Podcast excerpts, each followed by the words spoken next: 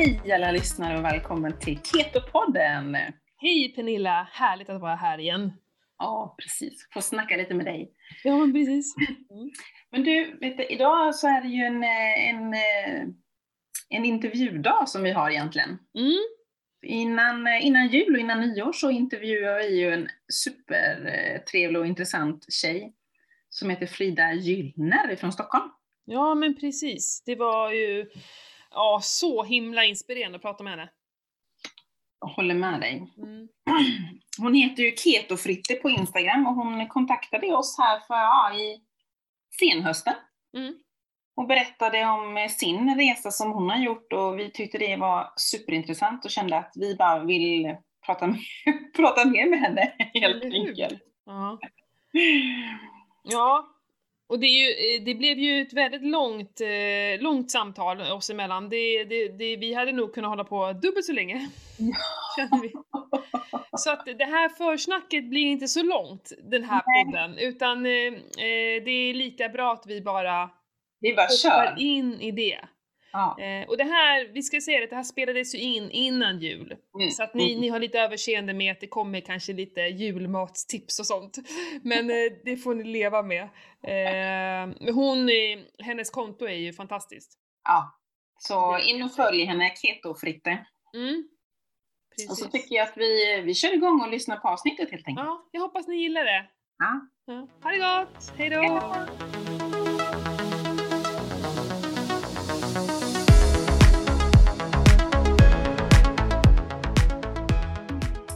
Hej och välkomna till Ketopodden! Idag har vi faktiskt lite besök utöver mig och Matilda. Mm. Vi har Frida Gyllner på besök på tråden här samtidigt. Och eh, hon är 29 år, bor i Stockholm. Och vi tänkte att vi skulle intervjua henne lite om hennes resa som hon har gjort som är väldigt spännande och intressant. Så hej Frida, Mm. välkommen till Ketopodden! Hej, tack så jättemycket. Roligt att få vara med. Hej! Och jag tänkte lite att du kan väl börja berätta lite vem du är. Alltså, du bor i Stockholm, 29 år. Vad pysslar, Yes. eh, vad pysslar man med när man är 29? Jag som är betydligt äldre. Jag kommer inte ihåg vad jag gjorde när jag var 29. Det ska jag berätta. När man är 29 och bor i Stockholm och heter Frida så jobbar man som säljare på ett eh, konsult och rekryteringsföretag som heter Randstad Finance. Mm. Eh, och så bor man i Bromma med sin sambo Alexander som är 33, snart 34, gubben. Mm. Gammal. Herregud. Eh, och han är norrman, född i Sverige, så att han är ju, jag kallar honom Petter Northug, för han tränar hela tiden. Åker längdskidor, springer och gör gud vet allt. Så jag har ju försökt anamma det här lite då. Ja, för eh, jag, jag såg att du har gjort eh, en tjejklassiker, eller klassiker. Ja, exakt. Det, jag tränade ju inte så mycket, ja vi kommer väl in på det med min resa här med min hjärntumör vad det lider. Men jag tränade ju inte innan dess eh, så mycket. Jag tyckte liksom att Alex var hysterisk och det här är lite larvigt hela hysterin. Sen eh, när jag fick mitt sjukdomsbesked så blev det fart kan man säga. Mm. Eh, så då sprang jag ett halvmaraton och körde en tjejklassiker eh, från att inte kunna springa tre kilometer. Och varit halvförlamad efter en hjärnoperation vill jag meddela. Mm. Eh, Så att det är väldigt mycket fokus på träning utöver jobb och laga goda ketomåltider här hemma. Mm. Åh, jag har gått... Du, jag vet inte om du har sett att jag har stalkat dig lite idag? jag, jag, jag fastnade i morse nu när alla är sjuka, då behöver inte jag stressa på att fixa frukost och grejer. Så att jag gick, när de kollade på eh, morgon-tv, då gick jag och satte mig i soffan och scrollade på telefonen och gick in på ditt konto. Eh, och det är så jäkla många recept, så bara spara, spara, spara, spara. Så att, eh, jag har sparat ganska många idag, så att jag har till och med varit och handlat för att göra någon av dem. Ja, det gläder mig oerhört. Jajamän. Jag är lite dålig på att skriva ut alla recept, det har folk kommenterat. Eh, så att jag har försökt bättra mig så att man snabbt ska kunna slänga ihop något litet. Mm. Eh, så. Men då vet jag att det är en i alla fall som har gjort som jag önskar. Ja, precis. Ja, men det är väl det, eh, eh, när, när vi delar mat och sånt, det, då vill vi ju att folk ska spara och, och prova det. Det är ju det som är hela tanken när vi, alla vi är ju liksom, och jag hatar ordet influencer, men jag vet inte, inspiratörer, in, jag är en inspiratör. Eh, jag hade en, en liten pojke i min sons klass kom ju fram till mig en dag och sa så här, är du en sån här influencer? ja, sa du då. För då har väl min son berättat att jag, jag, vet jag filmar och lägger ut, ja, det är så här himla pinsamt. Han går i, i tvåan då, det här var i ettan så det var ju pinsamt. Nej men vi vill ju att folk ska inspireras av oss och, och liksom åh det där vill jag testa, för det är ju det som sparar mig i alla fall. Jag vet inte hur det är med er, men mig, jag blir ju superglad om folk inspireras av det jag delar. Precis, så är det ju. Helt klart. Mm. Ja, jag också. Jag försöker verkligen. Jag vill, ja, man vill ju sprida budskapet som man nu har hakat upp sig på det här med att undvika socker och kolhydrater i för stor utsträckning. Alltså mm. alla gör ju som de vill, liksom. men jag har ju verkligen läst mycket om det här och brinner ju för det så till den milda grad. Eh, mm. Så att jag vill ju verkligen att folk ska haka på för en bättre hälsa, helt enkelt. Ja. Men eh, ska du berätta lite, vad, vad, vad hände som gjorde att du öppnade upp ögonen och ändrade livsstil, ska man säga? Ja, jag fick ju då 2018 i september ett epilepsianfall, Grand Mal tror jag det heter på mm. läkarspråk. Eh, så att jag vaknade upp och hade tappat närminnet. Eh, dejtade en kille då för tillfället. Eh, mindes inte honom, mindes ingenting. Eh, och hade då fått ett epilepsianfall. Jag trodde inte på när han sa det, eh, för att jag mindes ju inte det. Så jag sa, men vad är det? Han har säkert drogat mig eller något sånt där. Mm. Konstigt. Eh, sen gjorde jag ingen större grej av det och allt var som vanligt. Sen en vecka senare så kände jag så här, nej nu händer det något igen. Eh, och sen började jag sova bredvid mamma och pappa ibland på nätterna. Jag bodde hemma då för att jag hade gjort slut med min kille då. Mm. Eh, så då började jag sova bredvid dem och en kväll hemma hos mamma, en fredagkväll hade vi tagit ett glas vin och jag gick och la mig. Vi tänkte ju verkligen inte på det här med mina anfall. Vi trodde Nej. bara det var någon konstig stressgrej. Eh, mm. Men då vaknade jag bara att det var alltså ambulanspersonal i sovrummet och sen var det direkt in till Sankt Görans eh, här i Stockholm och då blev jag sjukskriven för stress. Eh, och de gjorde massa tester, allt såg jättebra ut. De kunde inte ens se att jag hade haft epilepsi för jag hade sån bra syrenivå i blodet. Den brukar ju annars bli försämrad. Mm. Eh, och eh, sen fick jag åka hem och det var inget mer med det. Sen fick jag till epilepsianfall och då sa vi att vi lämnar inte akuten innan eh, ni har utrett vad det här är för något. Mm. Eh, så då blev jag inlagd och eh, fick göra en MR på hjärnan och sen ringde de dagen efter och sa att du måste komma in med anhöriga. Eh, och det var ju så märkligt allting. Då hamnade jag på Sankt Göran, sen satt jag, mamma och pappa där och jag fattade ingenting. De sa du har en cellförändring i hjärnan. Jag fattade inte att cancer var en cellförändring. Alltså det vet jag ju egentligen, men jag tänkte inte mm. att det var det. Det fanns ju inte. Liksom. Nej, det tänker man ju inte i den åldern liksom. Nej, så jag sa så vad är en cellförändring? De bara, ja men det är ju som en tumör kan man säga. Och jag bara, så att jag har cancer? Då sa de, nej men det vet vi inte Frida. Det, vi, men vi måste remittera det till Nya Karolinska, till neurokirurgen där. Och då kände jag så här, ja, man hamnar ju inte där om det inte är riktigt allvarligt. Mm. Eh, så då var jag där två dagar senare bara och träffade ju då en kirurg, en överläkare i onkologi, neurologi och onkologi eller vad hon nu är, alla titlar har hon tror jag. Mm. Eh, och en kontaktsjuksköterska. Och då frågade jag direkt, har jag cancer? Så sa hon, ja, det, det har du. De var väldigt sakliga, trevliga, lugna. Så mm. eh, och sen sa de, men det är en ganska snäll tumör i hjärnan. Eh, du kommer opereras därifrån först om fem veckor. Hade det varit en mer elakartad tumör så hade vi opererat dig redan imorgon kanske, eller om inom en vecka. Mm. Men nu kan vi vänta och då vill vi att du tränar och får upp pulsen varje dag, 30 minuter minst varje dag. Mm. Så då sprang jag varje dag fem kilometer i fem veckor och jag hade aldrig tränat som sagt innan. Mm. Varför, varför skulle man göra det? Jag som inte är så påläst om cancer liksom, eller? Eh, jag tror att det var framförallt inför operationen också. Det var ju liksom ingen alkohol, eh, få upp pulsen. Så bara så att man ska ha ett starkt hjärta också tror jag, inför operationen, inför narkoser och sånt. Ja, okay. Mm, mm, mm. Eh, bra fråga faktiskt. Jag bara gjorde som jag blev tillsagd. ja, men man gör ju det. Men alltså hur, hur, alltså, vad var din reaktion när du fick det här beskedet liksom? Alltså jag minns knappt. Det är ju fortfarande, jag går ju hos psykolog en gång i veckan. Det är ju pannkaka livet. Min cancerform anses obotlig. 5-10 eh, procent blir botade. Eh, Mm. och jag är opererad med ett superbra resultat. Man fick bort hela min tumör. Mm. Och jag har inte strålat eller någonting. I och med att jag är så ung så vill de ju spara på alla behandlingar. Okej. Återfallsrisken är rätt hög. Eh, så att eh, jag har ätit lite cellgifter också. Lite Mm. cellgifter som att det vore lite käk liksom. Eh, så att just nu har jag varit tumörfri i två år. Eh, och det var ju först ett år efter operationen som jag eh, hittade det här med ketogen kost. Eh, faktiskt. Hur, hur hittade du det liksom? Eh, ja, det är en bra fråga faktiskt. Jag googlade väl på allt som har med hjärntumör att göra och snubblade över ketogen kost, tror jag, på Diet Doctor. Eh, där jag får mycket receptinspiration från också.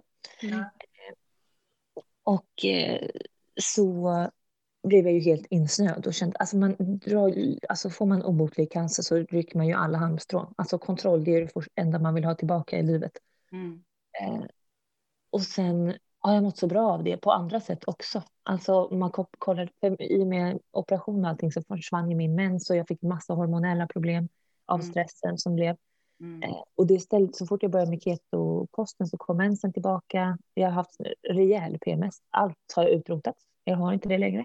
Eh, så att nu är det ju liksom tusen saker utöver risken för återfall som gör att jag äter eh, så strikt ketogent som jag gör. Mm. Vad, vad sa omgivningen när du började äta ketogenkost? Eh, Hade de några åsikter eller liksom? nej, men i och med att jag gör det i ett... Alltså i början var ju alla nog jättepeppade när jag skapade ketofritt, eller min familj framför allt var ju väldigt sådär. Sen så märker man inte på mig att jag har en obotlig cancer. Och jag fattar inte det själv, det känns som ett jäkla påhitt. Mm. Så att nu kanske folk, eh, nu gissar jag bara, jag vet faktiskt inte, tänker mer att det har blivit en liten besatthet för att jag är ju frisk liksom, så jag behöver inte hålla på med det där. Men för Mm. mig är det ju liksom livhanket. För mig är det liksom allt. Och Jag har pratat mycket med min psykolog, så här, är det ett kontrollbehov jag har nu? Eh, Men vi har kommit fram till att det är det nog utan, inte, utan jag bara eh, känner att jag mår så jäkla bra av det på alla sätt och vis. Mm. Jag tänker att eh, vi som är lite pålästa, vi tre här, eh, vi vet ju också att cancer är ingenting som kommer över en natt. Det är så lätt att säga så här, ja men du är ju frisk nu. Ja. Ja, fast liksom... eh, Fast nej.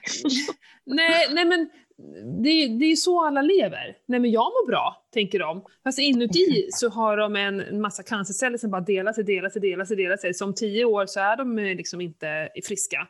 Mm.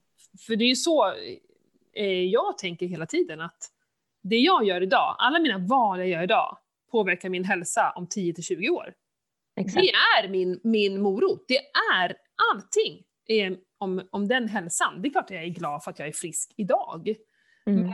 Det viktiga är ju min framtida hälsa, tycker jag.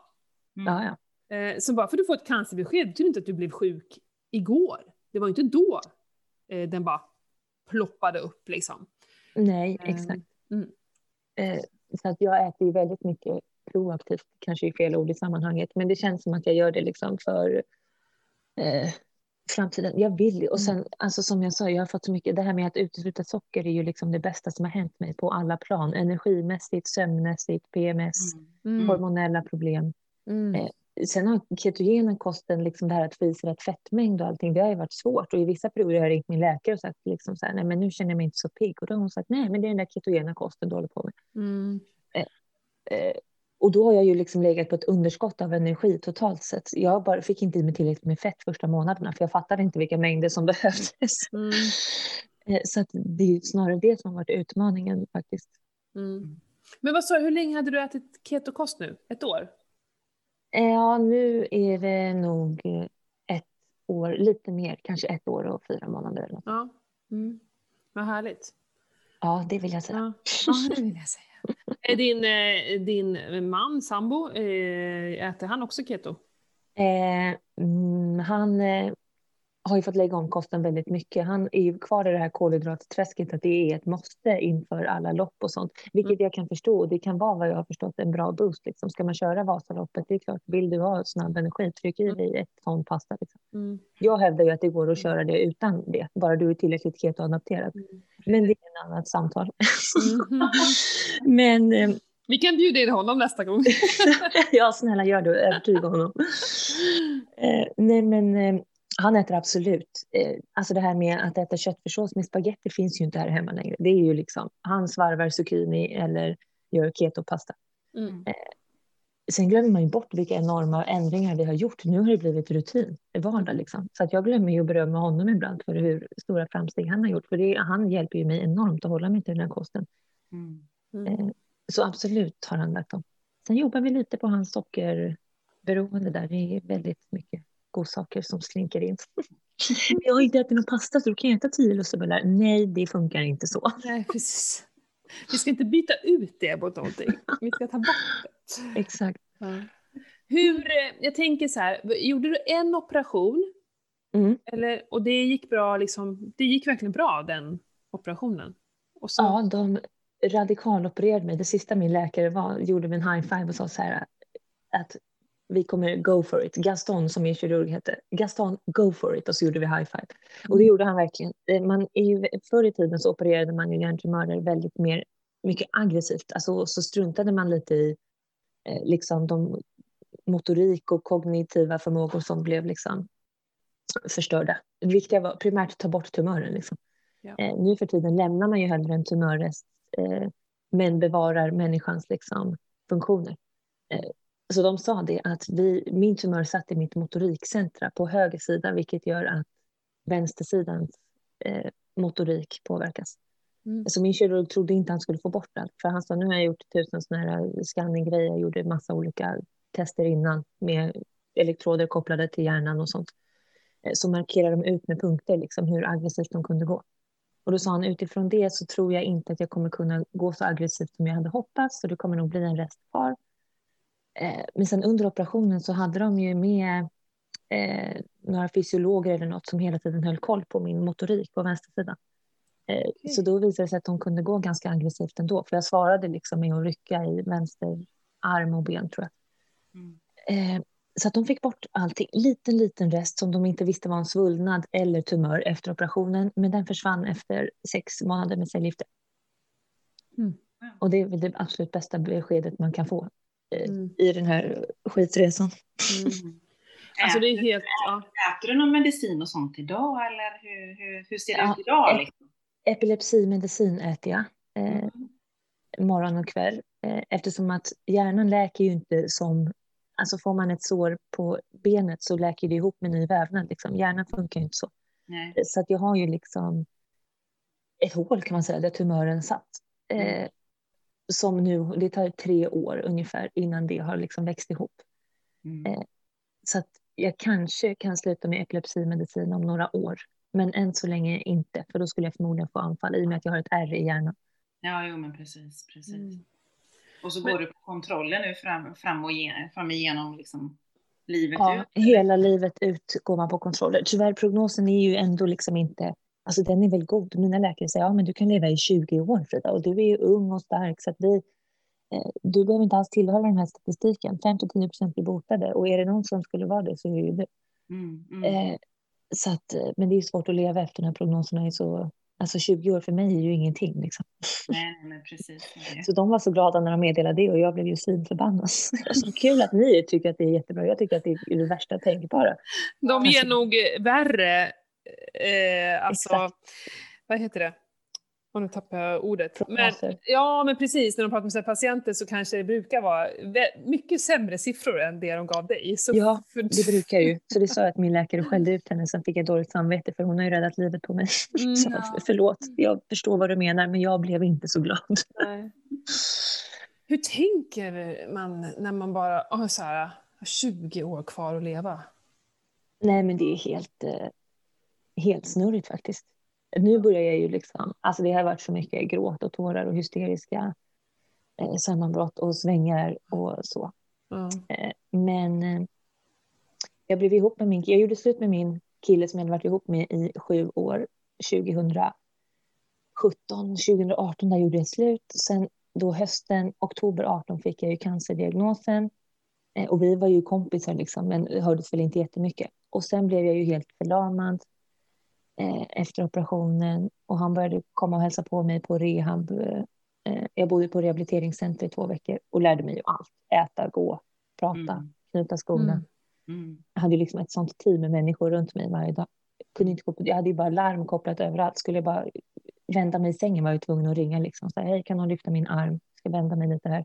Mm. Eh, men då kom ju min galna norrman till pojkvän, blivande man och hjälpte mig att öva upp. Han har ju liksom ett sånt sportpsyke. Så han sa, nu ska vi köra pjäxdansen som vi alltid gjorde på afterski. Och det, alltså, den är inte lätt för någon med motoriska problem. Okej. Eh, så att, men hur tänker man när man inte vet om man har så långt kvar att leva? Ja, alltså. Livet blir ju så mycket rikare. Mm. Eh, Du lever mer i nuet kan jag tänka mig att man liksom ja, när man väl lyckas med det. Exakt. Jag har ju varit väldigt fast i att älta det, vad, det som var då. Alltså att leva i den liksom eh, naiva verkligheten av att man är odödlig. Mm. Som alla säger så här, nej men jag vet att jag är dödlig. Då säger så här, nej men du vet inte att du är dödlig förrän du vet att du är dödlig. Mm. Eh, så det saknar jag ju, för det var ju jäkligt härligt. Samtidigt är det så jäkla häftigt att veta att man är dödlig med en sån här god skitprognos. För att det finns ju liksom, jag gör ju bara det jag har lust att göra. Man blir ju helt tokig, så som alla borde vara, lite tokigare. Mm. Skithärligt. Och jättemycket tårar däremellan. Mm. Men jag tänker din läkare, vad, vad säger de om den ketogena kosten? Liksom, är de negativa eller liksom, vad är deras inställning liksom? Eh, ja, jag tog upp det här med min läkare och hon sa så här, nej, eh, det tycker jag inte är en bra idé. Och då började jag ju min liksom, aggressiva argumentation. Jo, men det är det här och glukos och friska celler kan visst livnära sig på ketoner och det är ingen fara där. Och de, de kan växla bränsle jätteenkelt. Cancercellerna kan inte det, så att jag ser bara fördelar. Ja. Eh, och hon sa så här, ja, hon var inte helt inläst på liksom låggradiga tumörer som jag har. Hon sa, jag kan absolut, det finns studier som visar att på fyragradiga tumörer, den värsta sorten, så kan man lägga till det som ett komplement till behandlingen. Mm. Eh, eh, men att det skulle ge någon effekt på dig där vi har gjort en så bra operation och så, det kan jag inte svara för. Och det finns det ju ingen forskning på, så det får jag ju bara köpa. Mm. Eh, men hon avrådde mig från det, och det köper jag ju inte. Nej. så. Och sen har var du-. Går du på så här kontroller och alltså, eh, Mm. tänker jag, blodvärden och allt sånt kollas? Ja, det gör det. Eh, ser ni någonting där? Eh, nej, eh, inget dåligt. Alla värden ser jättebra ut. Kolesterol, alla sådana HDL, LDL, kolesterol. Ja. Jag har ju väldigt lågt långtidsblodsocker, vilket hon inte gillade. Jag blev ju jätteglad. För mig var ju det en Ja. seger. Det tyckte de inte var bra. Nej, så hon sa, jag tror att jag skulle vilja få upp ditt långtidsblodsocker lite. Och jag bara, nej men jag är jätte, tycker att det ligger väldigt bra här. Mhm. Precis vad jag hade hoppats på. Det ville de. Okej. Ja, jag låg verkligen, alltså jag tror att det ligger mellan 29 och 43 referensintervall eller något. Och jag låg väl på 27 eller något, så att jag låg ju Mm. väldigt lågt. Mm. Och det är ju för att du, så fort man går utanför eh, referensramarna, det är väl då som eh, de vill... ja, då måste de ju göra något. Ja, de måste ju göra någonting, de kan ju inte bara strunta i det. Nej. Nej, det är klart. Mm. 32 tror jag hade sist här nu om jag tänker efter, när jag gjorde mitt sista. Ja. Ja, jag kommer inte ihåg. Men eh, är du sån att du så här, testar blodsockret, ketoner? Ja, åh vad roligt. Riktig nörd. Jag har alla Ja. olika mätare hemma. Jag förstår. Sen går det lite liksom i perioder. Eh, Det är så jäkla dyrt med ketostickorna bara. Ja, jag vet. Mm. Och jag tycker det är så spännande så att jag mäter just när jag säger "Äh, skit samma, det får vara lite dyrt. Sen ångrar jag mig alltid när jag har gjort slut på dem. Så jag visste ju att jag var i ketos, var jag tvungen att kolla. Ja. Eller jag visste att det låg lågt, var jag tvungen att kolla. Jag känner ju på min kropp om jag är Ja. keto-adapterad eller inte. Liksom. Mm. Det kan jag tänka på ibland när jag står och, och mäter mitt blodsocker. Så bara, fast varför mäter jag? Jag vet, gårdagen var ju perfekt. Jag åt precis som vanligt. Varför skulle det vara någon... Nej, jag vet inte. Det, varför kul. Jag, ja, men det är kul. Och sen så helt plötsligt så kanske det står något annat. Så här, Nej, men varför har jag så högt blodsocker nu? Mm. Ja, Då är det oftast så här, eh, sovit dåligt brukar vara mitt, att jag som, hade svårt att somna på kvällen. Det brukar Mm. resultera i, i eh, morgonens eh, eh, snäppet högre blodsocker. Mm. Och, fast det vet jag också om, så att egentligen behöver jag ju inte siffran för att veta att jag har sovit lika mycket. nej. Men ja, det är kul. Det är ju roligt. Ja, jag kan få det efter träning. Jag känner blodsockret stiger ju så fort jag liksom är lite stressad eller har mycket på jobb eller sånt. Mm. Eh, men jag tycker att det är så häftigt att lära känna sin kropp så bra. Så att jag kan ju liksom mäta, säger jag till min sambo att ja, jag tror jag ligger på 5,6 idag. Igår hade jag Mm. 4,2 i blodsocker. Mm. Så bara, yes, spot on. Du ser. Jag låg där omkring. Ja, det är ju kroppskontroll. Jag älskar också sånt. Det är coolt att veta vad som händer. Det är som jag håller jag har en sån här inbody kroppssammansättningsapparat. Ja. Det har inte kommit riktigt än. Ja, nej, men jag jobbar ju med det, så att, eh, det är liksom inte för min egen del. Lite för dyr för att ha som en leksak. Eh, men det resulterar i att jag springer och hoppar upp på den här titt som tätt. Liksom. Och Ja, speciellt också innan en fasta, efter en fasta, en vecka efter en fasta. Och det är så jädra coolt alltså. Mm. Det är ju, och det här är riktiga siffror. Mm. Liksom, det är inte bara eh, min känsla eller hur det ser ut i spegeln.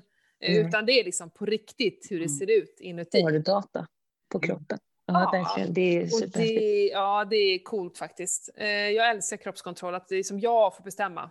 Eh, det är liksom min makt Mm. över en del saker. Man kan inte bestämma allt. Jag är lite nyfiken på hur du levde innan. Ja. I kostväg så. Nej, men jag har ätit som en byggarbetare, som pappa och brorsan och sambon hela livet. Eh, kolhydrater så det bara skriker i öronen. Det sprutar i öronen kanske man säger. Eh, Jag fattar det. bullar, kakor, allt. Alltså jag har inte tänkt på det. Jag har aldrig trott att man har kunnat påverka sin kropp. Jag har ju varit emot folk som tränar liksom. Jag skäms. Och ändå träffar du en kille som eh, tränar jätte... Ja, jag förstår inte hur han har stått ut alla år. Dragit med den här tröttmössan liksom. Och så efter en kilometer bara fortsätter.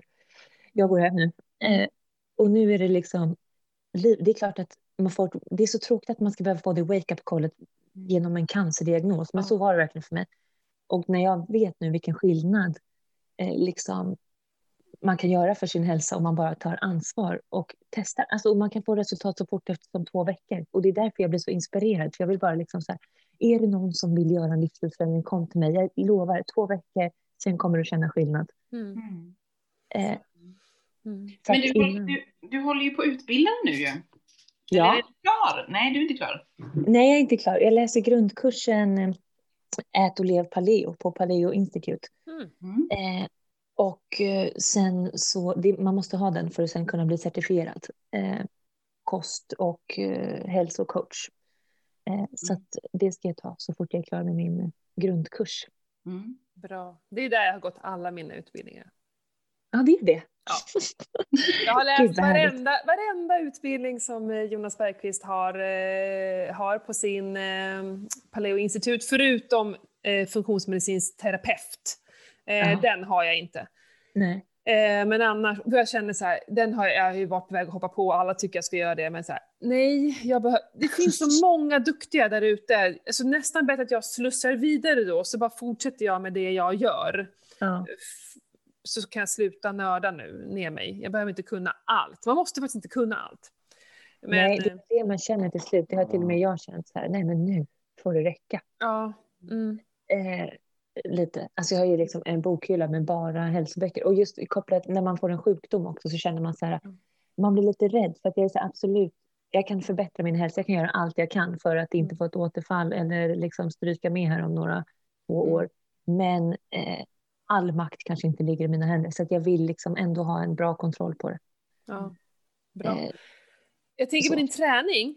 Mm. Eh, har du något eh, specifikt mål med träningen nu? Du gjorde ju tjejklassiken. Men Ja, nej, nu är det ju så jäkla tråkigt för att jag vill, måste ju ha, jag inser, alltså det här med lopp störde jag ju mig på alla människor som höll på med också. Mm. Eh, Men sen när jag låg förlamad så skickade jag iväg till min kille så här, så nu har jag anmält mig till halvmaraton. Och då hade jag ju bara sprungit fem kilometer som längst. Eh, Och eh, efter det, och ha sprungit det inne liksom från Kungsträdgården runt, det var ju så jäkla häftigt. Så då var jag så här, nej, då ska jag åka Tjejvasan. Och sen när jag hade gjort Tjejvasan, så här, ja men bra, då kan jag ju koppla, liksom slänga ihop en tjejklassiker här. Mm. Eh, och nu vet jag inte vad jag ska ha för mål. Har ni några idéer? jag letar febrilt efter lopp 2021 som jag vet kommer gå av stapeln. Ja, eh, jag hittar inga. precis. Vi vet ju ingenting om hur det kommer bli 2021. Nej. Men, eh, men hur tränar du idag då? Eh, Ja, jag tränar på gym, på Sats. Eh, mycket styrketräning, det har jag ju läst. Jag vill ju inte stressa min kropp med för mycket löpning. Jag hittade ju löpningen. Ja. Men har ju förstått att eh, långa promenader och mycket styrka också är väldigt hälsosamt. Mm. Eh, så att eh, innan man stängde ner nu och ska vara försiktig här inför jul så var det väldigt mycket sats, rå, alltså ren styrka, liksom lyfta tungt, två repetitioner. Mm. Nu har det blivit mycket löpning och frisk luft bara för att jag inte vill springa på gymmet. Nej. Mm. Eh, skulle i ärlighetens namn kunna levela upp träningen lite mer. Mm. Men när jag inte har något lopp eh, så blir det lite sämre. För det är bara en sån jäkla sporre. Mm. Jag håller med, man, man behöver ha någonting att träna mot Mm. Mm. faktiskt. Ja, jag håller med. Det, det saknar jag också. Eh, något sånt där. Eh, nu är det ju så, så- som en här klassiker tycker jag är så himla härlig på det sättet att det är flera lopp då under ett år. Att man får ett, så här, ett helt årsperspektiv. Och bara, Åh, nu börjar vi att träna. Det första Mm. loppet är ju då cyklingen, ja i Vasaloppet då, men det är ju nästan kört känns det som. eh, Att få till det i år. Ja, Ja. men jag tror inte de, de hade ju att de skulle ha öppet där i två veckor och få komma och åka, men jag, de kan inte få igenom det alltså. Inte med de nya restriktionerna, det vet inte fan. Jag har valt att inte köra Tjejvasan i år i alla fall. Ja, nej, men för då är det ju Mm. cyklingen och då tränar man lite extra för det, men du måste ju fortfarande hålla i då löpningen och Mm. lära dig crawla kanske om du ska simma. Nej, Men det, det, jag tycker det, jag gillar det, eh, det här att det blir så många Ja, det är superhäftigt. grenar. Och jag tror ju mycket på att faktiskt träna olika saker. Det är det som är Mm. problemet med löpare, att de bara springer. Liksom, de är ju skadade hela tiden och de bara springer. De måste ju träna styrketräning och kanske göra lite andra saker. Ja. Ehm, för hälsans skull, nu pratar jag inte om man vill eh, vinna ett lopp. Eh, Nej. elitidrottare är inte hälsa, tycker jag. Elitträning, liksom så. Ehm, men om Nej, man det känns som att det kan vara stressande för kroppen. Eh, Ja, nej men det är de. De är ju oftast ganska trasiga alla som är elitidrottare. Mm. Ehm, eh, Men om vi tränar för hälsans skull tror jag jättemycket på att träna olika saker. Och just Mm. så här, det är därför jag gillar lite klassiken och triathlon och sånt. Så här, löpning, cykling, simning. Simning är ju helt fantastiskt eh, tränings... eh, Ja, där har jag en liten bit rörelse. kvar också. Det blev bröstsim på tjejsimmet. Tur att det bara var en kilometer, annars hade det blivit jobbigt. Mm. Tre kråltag tror jag. Sen Ja, nej, men jag har bröstat eh, långa Vansbrosimningen. Det går alldeles utmärkt. Det går ju. Ja, det gör det. Ja, ja, det är klart det går. Får Eh, mjölksyra bara jag tänker på det. ja, man får ju trä- Jag tränade inte jättemycket. Nej, men det tycker inte jag var så svårt, bröstsim. Eh, nästan hellre bröstsim, för det är så jäkla mycket folk på Vansbrosimningen. Eh, otäckt då att kråla när man inte ser någonting, tänker jag mer. Ja, det hade inte gått bra. Nej. Eh, ja, men kul. Men träningen håller du i för, alltså det är i syfte att eh, försöka klara dig så länge som möjligt nu. Ja, och mina läkare säger ju verkligen träna Frida, du måste Ja. träna. Ja. Eh, Och min läkare berättade om någon patient hon hade som var 70 och hade fått hjärntumör och som skulle opereras för andra gången och hon är någon friskisinstruktör och min läkare sa att hade hon inte varit friskisinstruktör så hade jag inte opererat henne en gång till. Nu vet Nej. jag att hon klarar det liksom, eh, eller vi anser att hon klarar det med alla värden i kroppen och liksom eh, motorik och allting genom Mm. att hon har varit så fysiskt aktiv. Eh, så det är det enda min läkare säger, så här, jag är din viktigaste PT. Mm. Mm. Eh, Wow. Det har jag glömt att säga också. När jag blev sjuk så ringde jag till Pamela Andersson, är ju en eh, Topphälsa magasinets chefredaktör. Hon fick ju hjärntumör Ja. 2012 eller när det var. Mm. Eh, så att, eh, och då läste jag ju hennes böcker precis när jag blivit sjuk och hon blev ju tillsammans med, eh, jag har glömt namn, Christer Skog tror jag han heter, eh, som var landslagstränare för någon längdlag. Så han började tokträna henne inför hennes operation.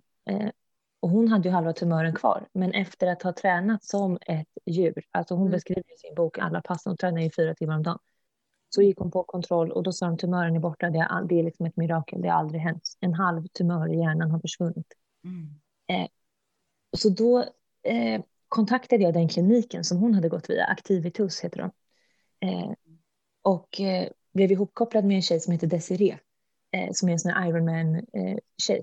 så att eh, vi bara, hon ringde upp och sa så här, hej jag har fått höra att du ska opereras och behöver komma igång med träning och har liksom typ noll bakgrund. Mm. Jag ner till henne i Solna där de hade sin klinik. Eh, och så satte vi igång. Och det var ju liksom ord och inga visor. Där var det inget, vi springer på sju tempo nu när vi ska springa våra första sju kilometer. Nej, nu mm. kör vi mitt tempo.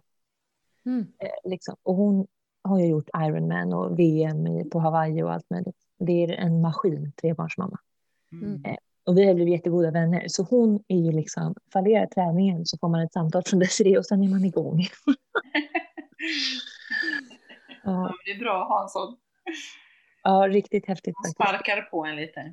Ja, så hon är en väldigt stor del av min träningsresa faktiskt. Eh, trebarnsmamma som sitter i, inför det här Hawaii eh, Ironman eller vad det var, så satt hon ju i sitt tvättrum med torktumlaren och tvättmaskinen på för att det skulle bli väldigt varmt där nere så hon skulle acklimatisera sig till värmen och mm. tränade. Eh, ja. Eh, kan man ju säga lite vad man vill om det, kära mm. Desirée, men ändå lite häftigt. Verkligen. Åh oh, gud, vad inspirerande. Ja. Jag tänker, jag, jag, eh, jag, kan knappt släppa att du har legat också förlamad och nu uh, bara är fullt fungerande och tränar. Men finns det någonting kvar som är, eller, alltså är du 100% tillbaka kroppsligt? Eller är det något du alltså, inte klarar av? Nej, rent fysiskt klarar jag allting liksom, eh, mm. på vänstersidan och så, inga men överhuvudtaget. Men hjärntrötthet och liksom sånt, jag jobbar ju bara 50% nu. Ja. Eh, och jag frågade faktiskt min läkare förra veckan, så här, jag känner mig helt återställd, är det? Så sa hon, nej Frida, det är du inte. Du har en hjärnskada. Och jag bara, nej men är det möjligt? Jag känner mig så himla frisk. Eh, men hon sa att nej, det tar minst tre år för hjärnan att läka på ytan. Ja. Liksom. Så det är väl det, att jag kan bli liksom väldigt trött om jag sitter och stirrar i datorn alldeles för länge eller om det är jättehögljutt eller händer mycket på samma gång. Men jag skulle säga att det är ganska lite det också. Jag har blivit väldigt skonad från biverkningar faktiskt. Mm. Ja, det, alltså det är helt otroligt. Mm. Det är mm. nästan så att man inte... Hade inte du suttit här jag kanske inte ens trott på det. Nej. För att, från att liksom fått lära dig på nytt allting. Ja. Det, ja, det är så fascinerande tycker jag. Och jag tycker mm. att, eh, att de ens kan göra det. Det du sa där, att hur det gick till, själva operationen, så bara... Mm. Alltså vi... Ja, är det är häftigt. vad vi kan, ja. alltså människan kan göra, det är ja, helt otroligt mäktigt faktiskt. Mm. Mm. Ja, det är det verkligen. Så. Det var faktiskt en, apropå ketogenkost som vi ändå lite är här för att prata om också, så var det en läkare som höll en föreläsning på Karolinska eh, ganska nyligen efter att jag blev sjuk. Mm. Och då nämnde han eh, ketogenkost. Eh, och då reste sig alla sjuksköterskor längst bak i salen som också var där och lyssnade på honom och sa så här, nej men det där får du inte prata om. Du får inte ta upp det, det är inte en standardiserad behandling. Eh, liksom, och till alla patienter, typ så här, lyssna inte, det här är liksom emot vad vi får göra. Mm. Eh, och han backade ju lite och sa så här, ja okej, okay, jag, eh, jag vill ändå bara nämna det liksom för er som inte har så lång tid kvar att testa ketogenkost. Men absolut, det är inte standardiserad behandling. Det finns inga randomiserade studier Nej. på att det funkar. Men lägg det på minnet. Liksom. Mm. Men det var så intressant med alla protester som han fick. Det blev ja. liksom lite ramaskri. Ja. Det får jag, jag höra hela tiden. Ja, mina kunder, liksom, som, eh, jag har ju kunder som både är, liksom, är sjuka och går till eh, läkare, och, men, men som inte mår bra. Att om mm. de nämner det här, alltså, mm. får sånt jäkla motstånd. Det är direkt bara, vem, vem, vem får du det ifrån och vem är det som coachar dig i det? Och så här. Ja. Jag säger bara, säg mitt namn, det gör ingenting. Jag, jag har ingenting att liksom dölja eller vara rädd för. För Nej. att jag har ju sett så många förändringar. Så många förändringar. Och det mm. komiskt är att det är ju så här, är det hundra år sedan som vi använde ketogen kost till mm. eh, både Alzheimers och epilepsi? Mm. mm. Det var det som var medicinen, nu gör jag citationstecken. Liksom. Ja. Mm. Och idag så är det inte ens accepterat. Nej. Nej, det är så tråkigt. Man ser ju fortfarande att det funkar mot epilepsi, men i och med att mm. de här lätta tillgängliga medicinerna som man bara kan kasta i sig morgon och kväll har kommit så har det ju liksom försvunnit. Eh, och det är det som är så tråkigt. Mm. Jag skulle vilja testa sluta med min epilepsimedicin och se om det funkar, men jag vågar inte riktigt för jag vill inte ha ett sånt där anfall. och orkar inte bråka med min läkare om det. Men jag är tämligen övertygad om att det skulle funka rätt bra för att jag ligger på så låga, eh, alltså på så höga ketoner och låga blodsockervärden. Mm. Vad ligger du i snitt på blodketoner? Eh, det varierar. Eh, jag försöker ligga mellan 1,5 och 3. Mm. Eh, sen har man ju bättre sämre. Alltså i ärlighetens namn så är jag ur ketos stundtals ibland. Det räcker ju med liksom en lussekatt. Eh, Mm. nu försöker jag ju verkligen, verkligen att undvika dem. Men det är klart man har gjort sina snedsteg. Men jag ligger väl mellan 0,8 och 2,4. Mm. Så. Jag blir så jäkla... Alltså jag körde en tre dagars eh, fasta, ja det är nog ett halvår sedan. Eh, och tre dygns fasta och då hade jag ju ja, men, tre, åtta i ketoner eller någonting. Och jag tror tre i blodsocker. Jag var ju så pigg. Det är så konstigt att man kan drivas på det. Men jag var ju liksom som en Duracell. Jag sov Aha. ju inte så bra. Det är det Nej. jobbiga. Det är den enda nackdelen. Jag sover inte heller. Jag sover väldigt få timmar. Mm. Och så vaknar man superpigg. Men det är också så här superintressant att, att man ändå fungerar liksom. Det är rätt coolt. Ja, ja, jag bara lagade mat och sprang. Jag ägnade mig liksom åt allt. Och sen, hur är det möjligt? Jag har inte käkat på tre dagar. Men det är evolution. Jag är ju byggd för att klara det. Så. Ja, Mm. så är det ju. Men vad fascinerande, för jag tänkte jag skulle fråga dig om du hade testat på fasta, för just fasta är ju, eh, ja, i, när man pratar cancer och, och så, Mm. så är, kommer ju mycket fasta upp. Ja. Så jag blir lite nyfiken på hur du tänker kring hela den biten. Nu, nu har ju för sig du ingen cancer eller tumör som du behöver svälta, vad vi vet. Nej, precis. Eh, men eh, tycker du ändå att fasta, är det något du vill lägga Ja, in? absolut. Eh, jag har kört väldigt mycket så här, 16, 8. Alltså ingen skippat frukosten, bara käkat lunch och middag och haft väldigt strikta liksom, ätfönster. Och då mår jag ju superbra. Men eh, senaste tiden har jag faktiskt bara käkat på frukost, lunch, middag, tre rejäla mål. Eh, sen vet jag inte, jag funderar på att inleda året med en längre fasta liksom.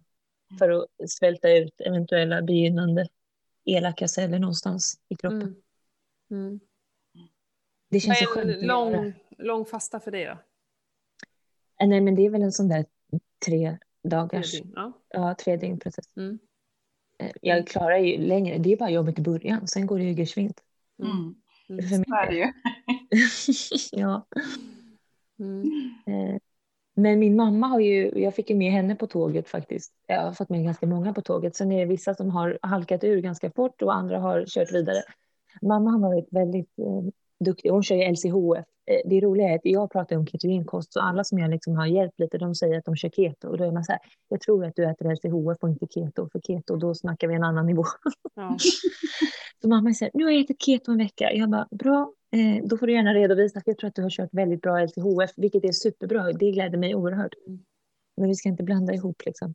Nej. Eh, så, men hon har ju gått ner 10 kilo. Det är enda liksom, viktminskningsmetoden också som har funkat för henne. Om det är det man är ute efter. Mm. Och hon har aldrig fått äta så mycket god mat. Alltså det låter ju för bra för att vara sant hela det här kostupplägget. Och det är det ju på något sätt. För det är ju helt sagolikt. Mm. Ja, men så är det oftast. Många trillar ju in på LCHF just på grund av att de vill vi- gå ner i vikt. Liksom. Ja. Det är ju otroligt tacksamt. Mm. Ja. Men det är det som är, jag tycker det är så tråkigt att LCHF förknippar med så mycket med en diet. Och jag vill ju verkligen säga det här är ju en livsstil. Med tanke på hur det ändrar hormoner, insulin, liksom blodsocker så är det ju mer medicinskt. Liksom. Du ändrar hela ditt liv till det bättre. Mm. Det är en tillfällig diet. Och det är ju det man liksom vill säga till folk. Mm. Ja, men så är det ju. Det är, det är ju en livsstil. Liksom. Det är så himla känsligt och, och folk blir så provocerade. Jag försöker undvika liksom just LCHF för att det, det har Mm. så ful klang och folk liksom ryggar tillbaka. Så Mm. att bara säga lågkolhydrat är ju eh, så mycket enklare tycker jag. Ja. Och, och säga. Eh, och sen, eh, men keto, det vet ju nästan ingen vad det är. Nej, Alltså. I våran värld så är det, eftersom vi följer massa Ja. massa både grupper och eh, personer och konton. Men Mm. för en vanlig, eh, en vanlig säger jag, nej men gemene man vet ju inte vad ketogenkost är. De har ingen Nej. aning liksom. Eh, så jag kan tycka det är ganska skönt att säga det, så här, men jag käkar keto och, och det är inte alla som vågar fråga vad det är för någonting heller. Nej, bara, rätt "Ah, skönt det också. End of discussion. Mm. End of discussion, så håller de på att tappa hakan när man står och hyvlar smör. Liksom. Men, Jag tänkte eh, säga det, de bli på. varse när du börjat slänga smör på, på någonting. Ja, men det sköna är att man inte bryr sig längre, eller jag bryr mig inte längre. Nej, inte jag heller. I början var det faktiskt jobbigt. Ja. Nu är det så här, nej men jag tar en näve. Eh, jag är så glad för på jobbet i vår liksom, lilla kök där så har vi såna här eh, vanliga lätta paket och så har vi riktigt smör. Så jag kan ju Mm. bara, alltså på små paket. Mm. Och tänkte den Ja. som har köpt in det, så här, tack du som köpte riktigt smör till mig. Ja. Så tar jag en näve och slänger på maten. Precis. Som redan är gjord på bara fett. Så alla är så här, Frida vad är det du håller på med? Jag säger, nej men jag äter så som jag ska. Testa du också. Kommer bli så mätt och glad. Ja. Ja, Folk brukar, brukar snegla lite konstigt när jag äter med kollegorna, men de vet ju vad jag håller på med. De orkar inte fråga, det är ingen idé, du vet. Det är så himla Mm. roligt för att eh, när mina barn får kompisar eh, över som, som ska käka middag hos oss, eh, som har lärt sig nu hur vi äter, så säger de så här, ah, kan man få sånt där smör som ni brukar äta? för då tar vi fram hyveln liksom. Vi ställer fram smörpaket så hyvlar vi smör. Om, om, liksom så här, för att jag vill ju gärna ge mina barn fett. Alltså det, är- Ja. det är det viktiga. Köttet och fettet är det viktigaste. Skit i grönsakerna. Ät, ät fett. Du måste ha fett, tjatar jag inte om. Så att när jag vet om att det är en måltid där det inte är så mycket fett, då tar jag fram ett smörpaket så här. Vem vill ha en smörrulle? Och vet ungarna älskar ju när jag kommer fram med smöret. Och Ja, men det är så jag gott! ta en till smörrulle! Så här bara, absolut! Och du vet, föräldrarna skulle ju för fasiken, ja, jag Mm. vet inte vad om de, för, ja de berättar säkert. Jag undrar vad de tycker, de måste tycka vi är helt galna. Mm. Ja. Ja, men sen om några år när folk har, när den här kolhydrats, eh, att det är så viktigt för oss har gått över, vilket jag hoppas att det blir en vacker dag, då kommer folk säga, fasen vad ni var före er tid. Mm. Det måste bli så. Ja, det måste bli så, men när liksom? Ja, exakt. Så, så långsamt tycker jag. Mm. Ja. Men ändå tycker jag liksom om man, om man nu har jag ju bara kollegorna som jag äter lunch med liksom, ja, innan corona då. Om man tittar liksom på vad de äter, om man jämför när jag började jobba på mitt jobb för typ så här 20 år sedan. Då var det ju bara pasta, ris och potatis, alltså det var ju inga grönsaker i huvud taget som var i matlådorna. Men nu tycker jag ändå liksom att folk har börjat lite och dragit ner. Det är inte alls den här Big Pack-lådan liksom med, med mat längre faktiskt. Ja, men är det inte också en jäkla veganmat som har halkat in? Jo, det, Alltså- är, det är det säkert. Varenda människa man träffar säger åh jag borde äta mer grönsaker. Nej, ät mer kött säger jag. Kött ska ni äta. Eh, nej men vadå? Nej men på riktigt. För att det, det, ja, vi måste ha någon vegetarisk dag i veckan. Och bara, ja, det kan ni väl ha. Alltså, det är klart man inte måste äta kött till varje måltid. Nej, absolut. Men vad blir alternativen då? De köper cornfärs och det är sojabiffar och Ja men Mm. kom igen, då, då har vi ju missat helt... Och det, jag, jag, är, jag är, blir så glad Frida när du säger att du tror att... Ja, för, för jag blir ibland så här, vad är vi på väg? Ja, jag blir också det. Gud, Eh, det blir bara, alltså att vara vegan och liksom hela tiden prompta och lägga ut sociala medier, att man väljer det. Det anses så jäkla bra och åh vad du är duktig och liksom så. Eh, och det skrämmer mig för det är väldigt stora, nu säger jag ordet influencers, alltså som är, har Mm. så mycket följare och som går över på det här och vi ska tänka och, på miljön, ur miljösynpunkt. Och bara, och jag, jag kan bli så här, jag blir rädd. För att det är ju helt åt skogen, tycker Ja. jag då. Ehm, eh, och jag vill bara gå ut och skrika, ät kött. Ja. ja, men jag också. Jag förstår ju det här med miljösynpunkten. Det är därför jag försöker ju äta kött av väldigt hög, bra kvalitet. Det är ju inte gratis, Exakt. det ska gudarna veta. Nej. Eh, ju. Men Coop har ju till exempel markerat gräsbetat kött på de eh, förpackningarna. Så att det liksom, det, min sambo eh, liksom skri, skriker ju lite när vi går och handlar kött nu för tiden. Mm. Eh, men det skiter jag i. Jag har sagt, då Och så äter vi massa annat gott fett i veckorna. Och så äter vi bra kött och bra kvalitet. Då har vi gjort bra ur flera aspekter. Mm. Eh, Och sen de här personerna som är veganer, man har ju läst så mycket, jag har ju varit inne på väldigt mycket hormonella grejer också i och med att jag blev sjuk och eh, intresserat mig för det. Och eh, alltså majoriteten som äter vegansk kost får ju problem med så, alltså fertilitetsproblem, hormonella problem och sen börjar de äta lite kött, addera liksom Mm. lite mer animaliskt i kosten och vips så var man på banan igen. Mm. Eh, och det är fascinerande. Mm. Jo, men det är ju det. Eh, men ja, för, för eh, kossorna får ju så mycket skit hela tiden, eller alla djur i stort sett och hela djurhållningen. Och, och Mm. jag håller med om att så produktionen och allt det här vi gör med, med djuruppfödning och så, den är fruktansvärd. Jag skulle ju aldrig gå och köpa kyckling på ICA. Aldrig! Eller på någon annan affär för den heller. Eh, som inte är ekologisk eller naturligt uppfödd och inte fullproppad med, med majs och soja och fått leva liksom så här en tiondel av vad de ska få leva. Mm. Nej. Eh, aldrig skulle jag köpa det. Kyckling anses ju vara så här bra kött. Mm. Och bara va? De behand- alltså det är ju så vidrigt så att det finns ju inte hur man eh, tar fram Nej, kycklingar. Så det, det är helt, jag tycker det är helt skruvat och man går på fel, liksom som att hela kon, som om kon i sig skulle vara miljöfarlig för att den pruttar liksom, är ju vissa anser. Ja. Vi har ju haft klövdjur i urminnes tider liksom. Däremot har ju människan inte funnits lika länge som klövdjuren. Nej. Ja men alltså det, Nej, är det är vi är ju den stora boven här. Det glömmer vi lite bort så. Ja. Ehm, ja, men jag kan bli, jag blir rädd av alla människor som ska börja äta mer och mer vegetariskt och väljer jättekonstiga maträtter och köper, åh den här är bra, den här, den här är billig och det verkar bra för det är någon som har sagt och så har de inte läst innehållsförteckningen eller vet ens hur den har tillverkats. Liksom. Ja, precis. Och transporterats hur långt som helst. Ja, verkligen. eh, Nej, jag försöker köpa ingred- eller matvaror som har färre än fem ingredienser, eh, mm, vilket då enbart ungefär blir eh, kött, eh, liksom vissa mejeriprodukter och eh, mycket grönt, fryst som färskt. mm. Absolut. Liksom, det går ju inte att ta i en burk på Coop eller Ica utan att det är tio ingredienser i den. Liksom. Mm. Ja, det är, man, blir ju, man blir förvånad över eh, vad de kan hitta på, ja. faktiskt. Mm. Men hur strikt är, är du väldigt strikt? Eh, känner du att du, eller rättare sagt, känner du att du måste vara strikt eller kan du tänka, ah, jag vet inte, tänker du 100% eller tänker du 80-20? Eh, det går lite i perioder. Det har absolut varit 100 procent. Eh, tittar man på min Instagram så ser det verkligen ut som att det är det också.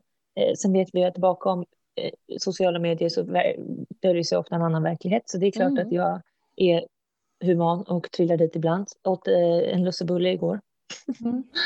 Eh, och jag vill verkligen ha den inställningen. I och med att det här är en livsstil för mig så är det så lätt också att hitta tillbaka. Jag är ju inte ett dugg orolig för att oj, nu kommer jag börja crave efter ris och pasta igen, för jag är helt ointresserad. Det Mm. finns inte. Det är som att äta hundmat för mig nu. Mm. Mm. Alltså det är lika konstigt att gå bland de hyllorna liksom. Ja, visst. Mm. Eh, så att eh, jag är väldigt trygg i min livsstil och kosthållning och därför så kan jag göra vissa avsteg. Men absolut försöker jag hålla mig eh, i ketos. Och är väl det eh, mesta delen av tiden, Mm. skulle jag säga. Mm. Jag är lite oroad där inför julen. Mm. Men jag ska laga all julmat i år till min pappas stora förtvivlan. Han är så skeptisk till att jag ska laga all mat. Och sen äter han upp all och säger oj det här var den godaste Jansson. Man bara, ja pappa det är inte en potatisbit i den. Nej. Nej men då var den inte god för jag äter bara potatis. Mm. Ja. Mm. Mm. Nej, men folk är så rädda. Och och just det här, äh, den äldre generationen då, eh, det här Ja. som vi inte är vana vid. Och vi har alltid, så det har vi alltid gjort. Ja, Ja. okej. Men eh, måste man jämt göra som man alltid har gjort? Så. Nej. Nu Och sen vi är- faktiskt... Ja. Förlåt vad sa du? Nej, kör du. Nej, men nu ringde pappa igår och då blev jag så stolt för då sa han att i helgen skulle vi äta en gryta och då skulle vi minsann ha blomkålsmos till. Och jag Mm. sa så här, är det sant? Mm. Och det skulle han göra. För annars så ligger ju blomkålen klar när jag kommer. Sen sa du får göra det där konstiga moset. Ja. Och så fast han ska ju äta det då. Men nu sa han, jag fixar blomkålsmos och då blev jag stolt. Mm. Det är lite godare än potatismos. Ja, det är ju det. Ja.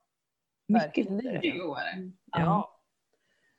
Nej, men jag, det jag skulle säga var att det är viktigare vad vi äter liksom så här mellan nyår och jul än vad vi äter mellan jul och nyår. Mm. Ehm, för jag har också haft år när jag varit så otroligt strikt och liksom så här, jag stod och lagade mat i veckor för att det skulle vara så perfekt och hemlagat och bara, bara, bara, Mm. Eh, och så käkar alla på tio minuter och sen så är det slut och så bara Alltså var det värt en, alltså det är ändå bara så här, det är en dag. Ja. Det är lite så. Eh, så vissa saker gör jag ju verkligen, men vissa saker kan jag också känna att det är inte hela världen. Eh, jag behöver inte leta land och rike runt efter att eh, få rätt lax. Jag kanske en gång per år kan äta odlad lax från Norge. För jag äter Ja. aldrig odlad lax från Norge annars. Men Nej. just den dagen kanske det är okej, för det är inte så lätt att hitta gravad lax som inte är odlad i Norge. Nej, det Eh, är mission. Och liksom lägga ner lite, alltså tagga ner lite. Så Mm. eh, tänker jag göra i år. Jag tänker ju försöka så gott jag kan, men inte liksom så här, eh, ni vet, klättra så jag knappt kan andas liksom, av att leta reda på det, för det, då, är det inte, då är det inte värt Nej, en måltid. liksom. nej jag håller det- med. Det i sig blir ju stressande kan jag tänka mig. Jag blir sjukt stressande. ja. Men som förra året så bodde vi ju i Säfsen och firade jul. Just det. Ja. Just det. Eller vad var det? Nej. Nej, vi bodde, nej, nej, de, eh, stuga. Ja. Alltså, mm. Eh, och då på julafton så gick man ju åt julbord. Och det var typ det bästa jag har gjort. För att jag behövde, jag behövde inte ta hand om disk, jag behövde inte laga mat innan, jag kunde bara hänga med familjen hela dagen. Och vad spelar det Ja. för roll att en måltid på året inte är bästa kvalitet? Nej. Ingenting liksom. Nej. Det, det var så bra för min stress och min, mitt så här, eh, perfektionist eh, när det Ja. gäller mat. Mm. Men jag tänkte, det är också viktigt om man vill att fler ska börja förhålla sig till det här så måste man ju liksom verkligen få in det här att det här är långsiktigt, det är en livsstil. Mm. Så tar du en pasta penne, absolut inte ofta, men ta den när andan faller på. När du Mm. har den där middagen med 15 vänner som du inte har sett efter att ha varit isolerad i corona i ett år. Det är Ja. klart du ska ha pasta penne ikväll. Mm. Mm. Och sen är du på banan dagen efter. Ja. Då blir det blomkålsris eller ketopasta. Mm. Och så är det lika gott inser man så. Att det Mm. var inte så jäkla kul med den där pennen i alla fall. Nej, precis. Man fick ont i magen och mådde dåligt och kände sig helt bakfull. Exakt. När allting skulle ur liksom. Det är det bästa för mig som inte tål, alltså jag blir ju sjuk av eh, sädeslag, alla sädeslag. Så för mig, jag kan ju inte äta det. Eh, och det är, jag tycker det är skönt på ett sätt, för då slipper, jag behöver inte ens... Eh, Ja, min mage tål ju tyvärr allting. Så Mm. att, eh, men jag reagerar ju väldigt mycket starkare nu eh, om jag har ätit något onyttigt. Jag får ju svårt att sova om jag har ätit socker, den där lussebullen liksom. mm, Det blir ju myror i benen och annat. mm, Jag tycker att det kliar på kroppen till exempel om man vet att man får i sig socker. Eh, Mm. Då tycker jag att det liksom blir som att det är, mm. alltså det kliar. Jag kan inte förklara, det är som att man får någon sån här eksem eller någonting. Mm. Ja. Ja, lite som en sån här histamin... Eh, Ja. ja. Lite Ja. så. ja. Man blir nästan lite bakfull dagen efter bara för att det är, liksom, det är något som ska detoxa. Liksom. Ja. ja, men så kan jag verkligen känna. Lite huvudvärk, man känner sig liksom lite utanför sig själv när jag ätit skitmat, kallar jag det. Mm. Det är roligt att för mig är det skitmat, men det är det som gemene man äter. Gud vad man skulle vilja trolla så att alla förstod Ja. hur bra man kan må. Jo men alltså, jag har ju ätit så här, vad, är det, åtta, nio år någonting. Eh, och för mig är det så att det- är inte värt att göra så mycket snedsteg eller avsteg eller vad man nu kan kalla det för.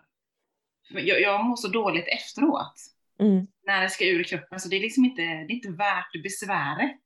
Nej. Så då vä- väljer jag att antingen inte äta alls eller så äter jag liksom det jag kan äta liksom. Mm. Och så tar man fram snöret. Och hyvlar en skiva. Ja, En i stekpannan, en i Pernillas mun. ja, exakt. Ja, men Frida, vad härligt det har varit att få prata med dig och vilken, eh, vilken eh, erfarenhet rikare känner jag att jag har fått av att faktiskt få träffa, ja, men på, det är alltid så här med livshistorier, att på riktigt, det är klart, ja, ketogenkost gjorde inte att du blev av med din cancer, nej, absolut inte. Men den har ju ändrat hela din livssituation och ditt mående eh, Ja, gud ja. så mycket. Mm. Ja, nej, men det har ju verkligen öppnat eh, dörrar till att man kan eh, påverka sin hälsa extremt mycket. Sen Ja. till vilken grad, det återstår att se. Jag hoppas att jag får uppdatera er när jag är 90. Verkligen. men det Tänk vad det här kan... Ja, jag kommer få... poddar vi ett nytt avsnitt. Ja. Om 20 Jo, år! Det gick bra med den här ketogena kosten, I'm still alive. Ja, och vi poddar fortfarande du och jag Pernilla, herregud! Åh herregud, om 20 år! Jag Alltså, ska inte ens säga hur gammal jag är då. Alex och Sigge, hur många år har inte de hållit på? Exakt. Ja, men vi kommer väl podda i 20 år. Vi kommer ju fortsätta äta så här, Matilda. Ja, och, ja men precis, för vi pratar, för oss, det, och det är ju så för det också Frida, att det handlar inte bara om, om, om det vi har på tallriken, om eh, pr- energiprocenten, utan det handlar om hela livsstilen. Det är det Ja, ja. som är keto för oss, ketolivet Ja. liksom. Att Ja. vi tar hand om oss, väljer bra råvaror, vi tänker på miljön, vi tänker på vår hälsa. Alltså, vi Ja. pratar ju jättemycket om det, så mindfulness och träning och Mm. allt liksom. För det hänger ihop. Det är inte Ja. bara eh, x antal procent fett du ska äta om dagen. Nej, det är det man måste få folk att förstå. Och att eh, det är så jäkla kul att ta ansvar för sin hälsa. Det blir som en besatthet för det är så roligt. Det är Mm. roligt att gå och handla, det är kul att läsa på innehållsförteckningar, det är kul att förstå att det här är skit och det här är faktiskt bra. Eh, alltså bara kunskapen som kommer. Mm. Och jag är ett levande bevis på att man kan gå från att vara en riktig liten Snickers eh, människa till att bli liksom ett blomkålshuvud. Mm. Ja, men jag, alltså, jag mådde ju dåligt i 35 år. 30. Eh, Ja. Alltid, dygnet runt mådde jag dåligt. Eh, till att idag vara, eh, alltså jag känner mig som världens friskaste människa. Och Ja. ly- lycklig och bara oh, stark och allting så. Jag måste bara berätta för vad min son sa till mig igår kväll, tyckte det var så jäkla härligt. Han bara, mamma, du är verkligen king när det handlar om det där med mat och vitaminer och hålla oss friska. För shit vad vi är friska mamma. Jag bara, Vilket betyg. Ja. alltså jag, jag sa det, du är underbar, tack. Jag, det kan jag leva på hela livet. För det är det här jag tjatar om. Så här. Ja, Det kan låta jobbigt när jag tjatar om mat och så, men det finns ett syfte liksom. Ja. Tänk på hur länge sedan det var ni var en sjuka. Ja. Ett år utan en enda liten snorstrimma.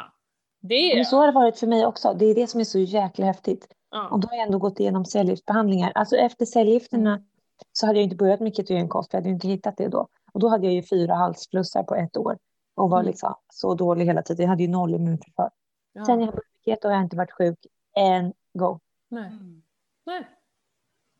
Alltså jag har haft Alltså, någon det är huvudvärk och bevis sånt där, det har mig, men ingen förkylning, ingenting. Nej. Peppar, peppar, ta i trä. Ja, nej, det var väl peppar, peppar. corona här kanske. Precis. Nej men på riktigt, jag är helt övertygad om att det hänger ihop. Helt Ja. övertygad. Mm. Ja. Bra gjort. Mm. Ja, men eh, tack så hemskt mycket Frida och vi kommer, eh, vi följer ju varandra nu så nu får vi ju Ja. hålla lite koll på hur det går till och vi är väldigt tacksamma över att du eh, tog kontakt med oss. Mm. Så Ja, jag är vi fick jätteglad att jag fick intervjua vara dig. med. Och jag tänker alla lyssnare så är ju säkert supernyfikna på vart de hittar dig på sociala medier. Jag tänker Instagram nämnde du ju några gånger. Vad heter du där? Eh, där heter jag Keto Fritte. jag blir så retad för mitt namn. Eh, men Keto och sen Fritte som det låter. Mm. Eh, eh, det är ju min mat-Instagram. Mm. Skulle man vara intresserad av mitt privatliv så heter jag ju Frida Gyllner då. Mm. Och du har en blogg vet vi ju som vi har varit och researchat lite på dig. Jajamän, och då är det fridagyllner.blogg.se. nu är jag en riktig influencer. Mm. Ja, Nu, nu blev det det om inte annat. ja, exakt. Eh, så där kan man läsa lite. Ja. Så in och, och följ Frida, för där kan ni ju säkert ställa lite frågor om ni eh, har några funderingar kring det vi har pratat om nu. Så ja, men vadå, på återseende. Jag hoppas vi kan göra det här igen. Mm. Ja, verkligen. Och vi ses när vi kör klassiker när de öppnar upp igen. Ja, Men då kör vi hela. Ja. Då kör vi, ja, då kör vi stora. Absolut. Yes. Det är nästa år. Ja, men tack så hemskt mycket. Ha det så himla bra Frida. Tack, ha det gott ni med. Ja, hej! Hej hej!